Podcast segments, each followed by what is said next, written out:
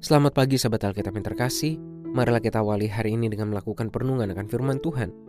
Bacaan Alkitab kita pada hari ini berasal dari surat Yudas pasalnya yang pertama, ayat 5 sampai 7. Sekalipun kamu telah mengetahui semuanya itu dan tidak meragukannya lagi, aku ingin mengingatkan kamu bahwa memang Tuhan menyelamatkan umatnya dari tanah Mesir, namun kemudian binasakan mereka yang tidak percaya. Juga malaikat-malaikat yang tidak taat pada batas-batas kekuasaan mereka, melainkan meninggalkan tempat kediaman mereka, ditahannya dengan belenggu abadi dalam kegelapan sampai penghakiman pada hari besar. Sama seperti itu, Sodom dan Gomora dan kota-kota sekitarnya yang dengan cara yang sama melakukan percabulan dan mengejar kepuasan-kepuasan yang tidak wajar, telah menanggung hukuman api kekal sebagai peringatan kepada semua orang. Salah satu syarat yang perlu dipenuhi oleh seseorang yang ingin terus mengalami pertumbuhan adalah pemenuhan tanggung jawab. Seseorang tidak dapat mengharapkan pertumbuhan dalam hal apa pun jika ia sendiri tidak mampu memenuhi tanggung jawab utamanya dalam bidang tersebut. Mengapa? Karena melalui pemenuhan tanggung jawab, seseorang sedang melatih ketangkasan dan kepiawannya dalam bidang yang sedang ia geluti.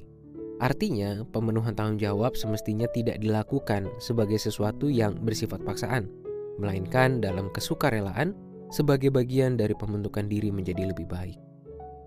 Di dalam kerangka hidup beriman, pemenuhan tanggung jawab juga menjadi aksi penting untuk diwujudkan oleh setiap umat Tuhan. Tulisan pada surat Yudas ini juga menunjukkan bahwa sebagai umat Tuhan yang hidup dalam pengharapan Kristus, mereka tetap perlu menjalani hidup dan iman mereka secara bertanggung jawab. Umat Tuhan tidak semestinya bersikap asal-asalan atau sesuka hatinya sendiri, Tanggung jawab beriman perlu dipenuhi sebagai wujud keseriusan dan komitmen iman, sekaligus sebagai langkah pertumbuhan diri sebagai umat yang setia kepada Tuhan. Sejak masa dulu hingga sekarang, mulai dari era nenek moyang bangsa Israel hingga era kita hidup saat ini. Sejak awal umat Tuhan mengalami pembentukan tradisi beriman, hingga sekarang kita mengembangkan dan menjalani berbagai ritus.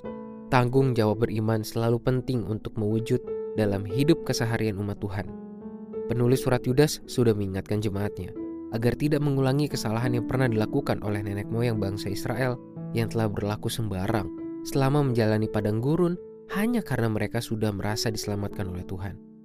Alhasil terdapat konsekuensi dari perbuatan diri mereka sendiri yang telah menelantarkan kuasa penyelamatan yang Tuhan berikan. Itulah mengapa pemenuhan tanggung jawab beriman merupakan bagian penting yang perlu terus diupayakan oleh setiap umat Tuhan. Marilah kita berdoa.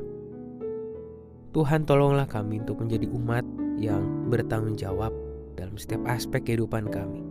Dan pertama-tama dalam kehidupan beriman kami.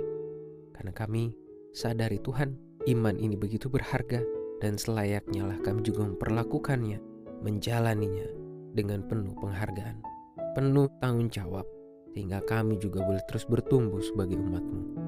Hanya di dalam nama Tuhan kami Yesus Kristus kami berdoa dan menyerahkan kehidupan kami. Amin.